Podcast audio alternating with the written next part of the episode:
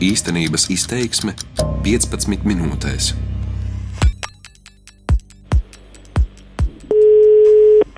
Halo.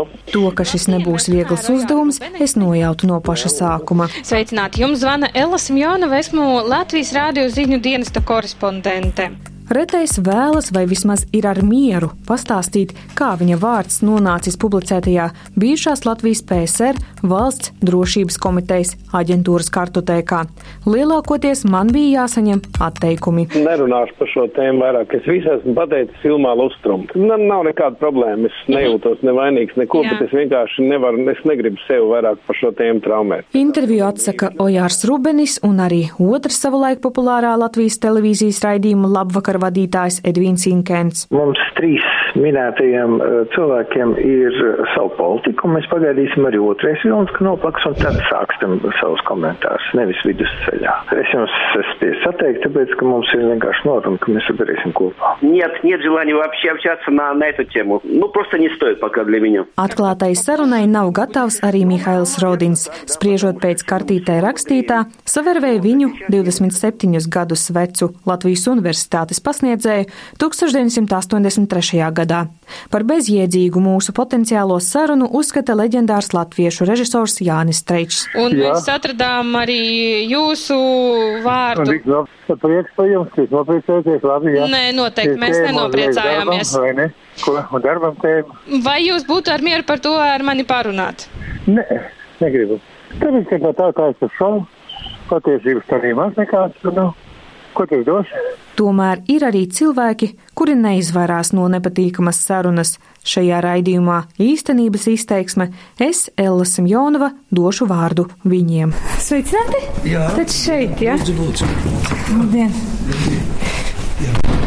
Es esmu tas agents 00. Tā ar smaidu un vieglu ironiju mani sveicina Aldis Ermanbriks. Mūzikas žurnālistu sastopu viņa vadītajā Rīgas skaņu ierakstu studijā. Sarunājamies šaurā Ermanbrika kunga kabinetā ēkas pagrabtelpā. Saules gaisma te netiek. Plauktos cieši salikti mūzikas diski un plates, atskaņošanas aparatūra. Radio uztvērējs pārraide ziņas. Te pilnīgi tāda vide, ziniet, tāda Nospiedoši. senlaika. Nu, tādas čekas, jā, tāda. Mans pirmais jautājums - kāda ir bijusi Aldērmana Brika saskarsme ar bijušo valsts drošības komiteju? Es domāju, ka ar čeku sistēmu saskārās pilnīgi visi, kas tolaik dzīvoja šeit Latvijā un arī citās republikās, un es domāju, ka nu, mēs tikai bieži vien par to nezinājām.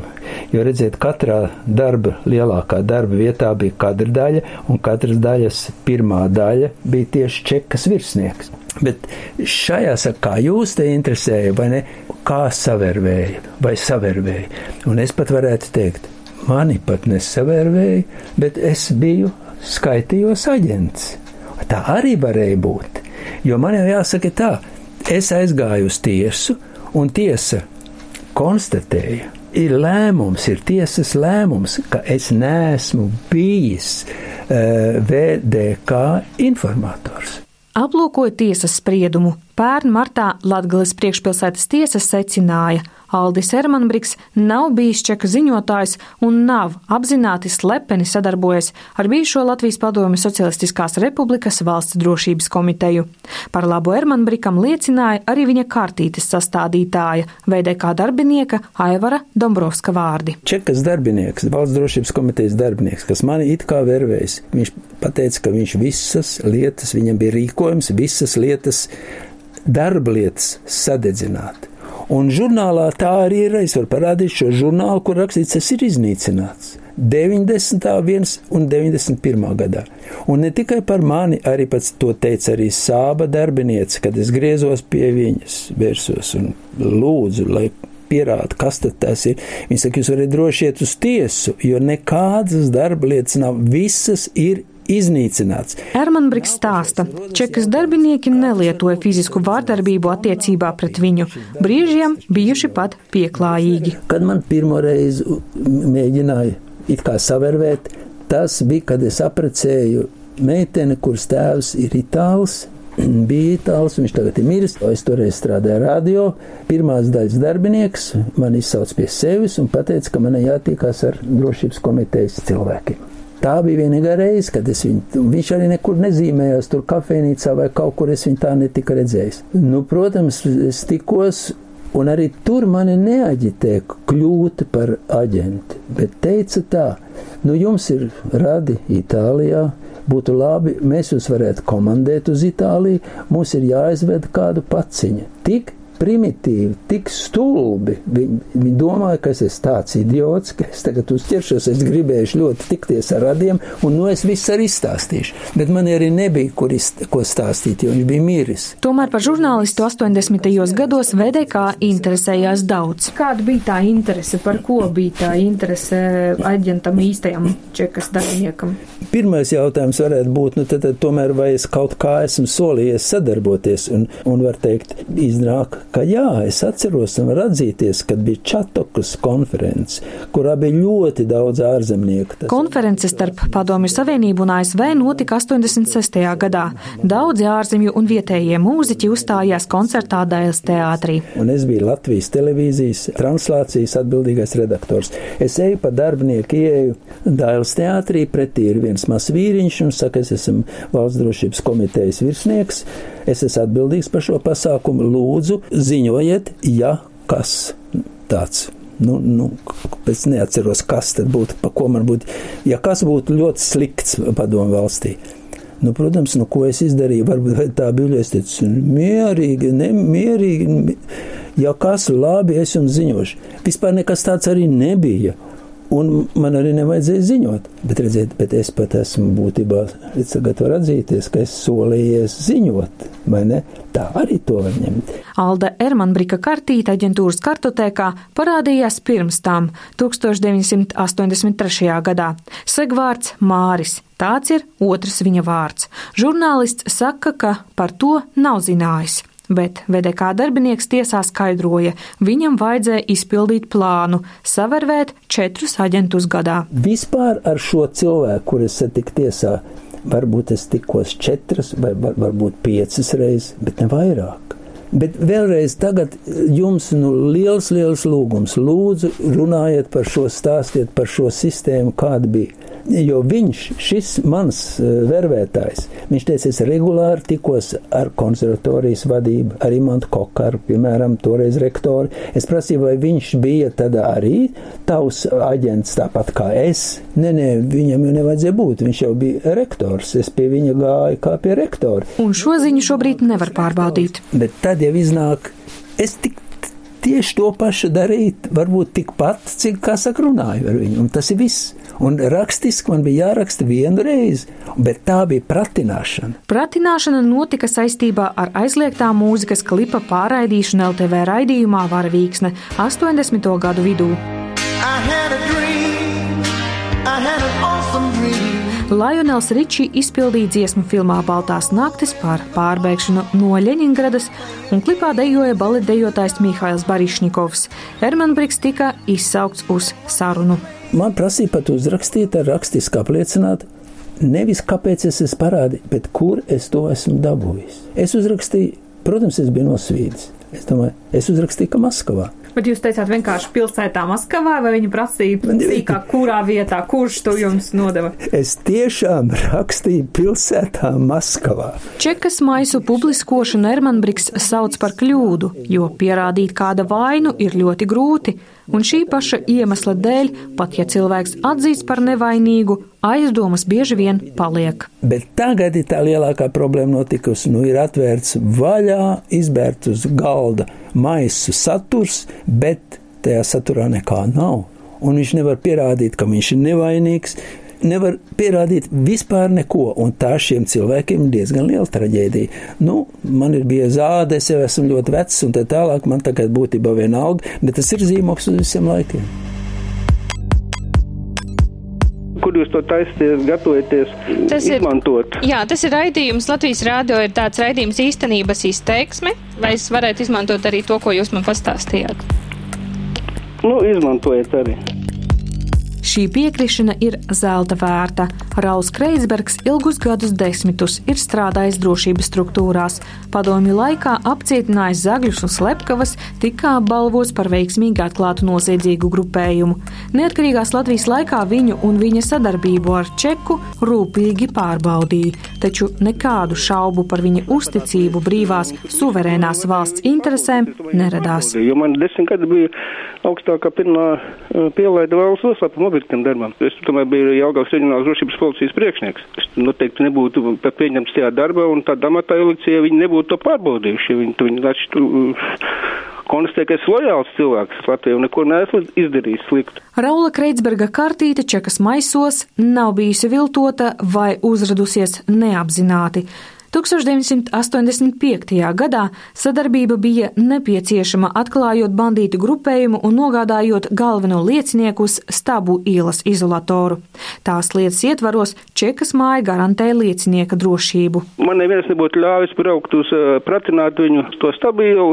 Es tur nebūtu, kā saka, parakstījies, ka es neizpaudīšu to, ko es tur redzu, to, ko es tur runāju citiem. Savādāk man tas darbs nebūtu gājis. Tas bija viens laikam no galvenajiem iemesliem. Un otrs tas, ka tur bija iesaucīta augsts milicijas amatpersonas. Konkrēts cēsu milicijas priekšnieks tika tajā lietas ietvaros apcietināts. Šās lietas varēja tikai ar to dienestu cilvēkiem, kas par to bija atbildīgi kārtot, protams. Un nekas nebija ne politisks, arī tuvu pat nebija. Un, un pēc tam lieta beidzās, un arī, kā saka, jebkāda arī tie kontakti beidzās. Jāatgādina, ka padomju laikos valsts drošības komiteja pildīja arī to lomu, ko šobrīd, piemēram, mūsu valstī veids iekšējās drošības birojas. Es palīdzēju jums, kā jauniem cilvēkiem, jūsu vecākiem, dzīvot mierīgi Latvijā. Bet tas jūsu viedoklis, vai tos maisus vajadzēja vispār bērt ārā, un kā jūs redzat to iespaidu? Ziniet, strādājot drošības policijā, pie manis griezās vairāk cilvēki. Kad tā, vispār, kad tika tur par tiem maisiem jautājums tika risināts un griezās tādi pazīstami cilvēki, kur teica, jā, man bija tāda, ot, savienojums, mēs, mēs sadarbojamies. Es sadarbojos. Jā, ot tā gadījās un tā. Labi, mēs tur, kā saka, to visu pieņēmām paskaidrojumus, un tagad, kad tie mājas atvērās, es redzēju, ka tie cilvēki tur nav iekšā nemaz.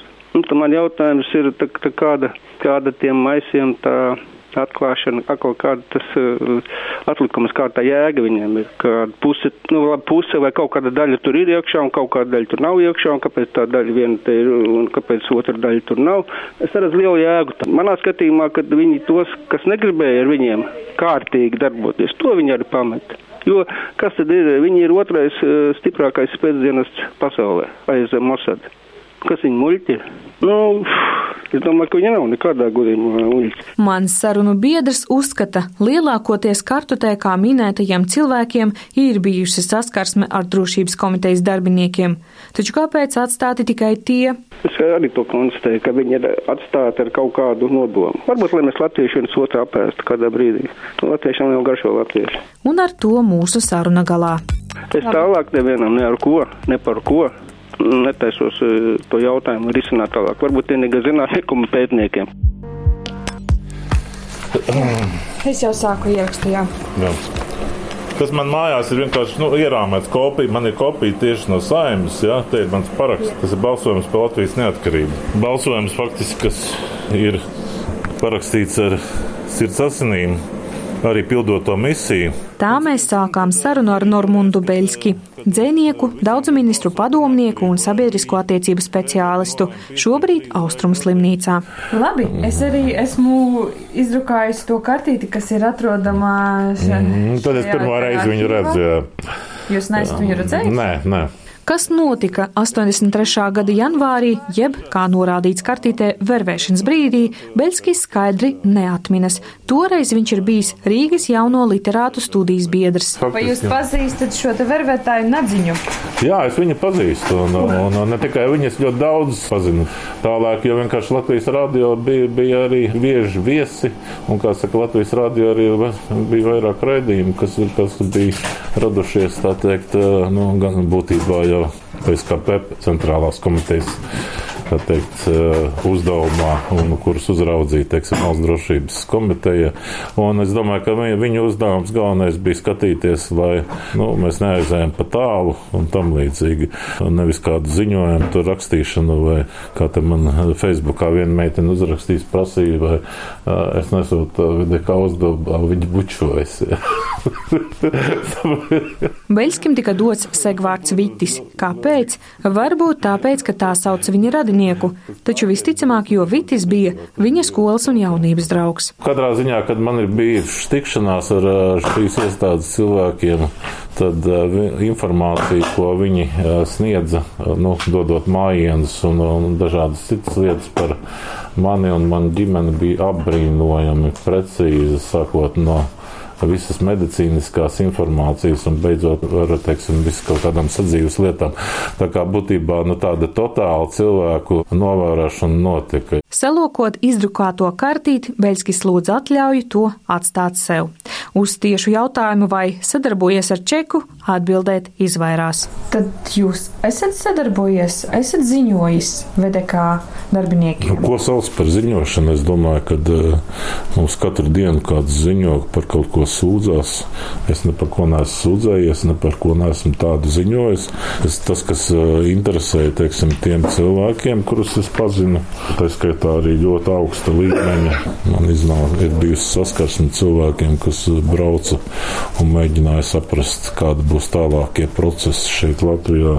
Es braucu no Maskavas, tas bija ģenerālmajora līmenis, teiksim, kurus redzēju vēlāk uh, blakus, tā teikt, perestroikas tēvam Gorbačovam. Teikt, par tiem procesiem es sniedzu savu viedokli. Man tur nekas nebija jāraksta. Bet varat minēt kaut kādu piemēru, kad jums bija jārunā?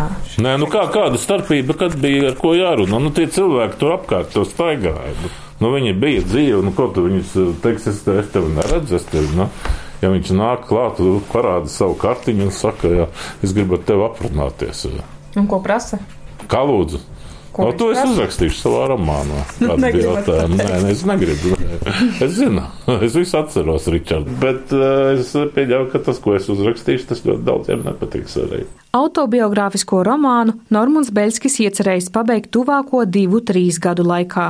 Vai tajā būs vieta nožēlai? Jā, par to, ka 90. gadu sākumā, būdams aktīvajā politikā, nepieņēma lustrācijas likumu. Lai ko es neskaidrotu, tik un tā, arī pēc šī jūsu pārraidītā sižeta būs tādi, kas, teiksim, man uzbrauks virsū un kaut ko pateiks. Es vienkārši to zinu, jā, bet, bet es esmu pietiekami stiprs cilvēks, lai, lai varētu aizsargāt pats sevi un aizsargāt savu ģimeni. Ne jau visi cilvēki ir stipri, teiksim, tā morālā ziņā un spēj būt stoiciski, un uh, kad uh, tas var arī daudzus cilvēkus vienkārši salauzt. Personisku sirdsapziņas pārmetumu par saskarsmi ar čeku triju zvaigžņu ordeņa saņēmējam Normuntam Beļskim nav.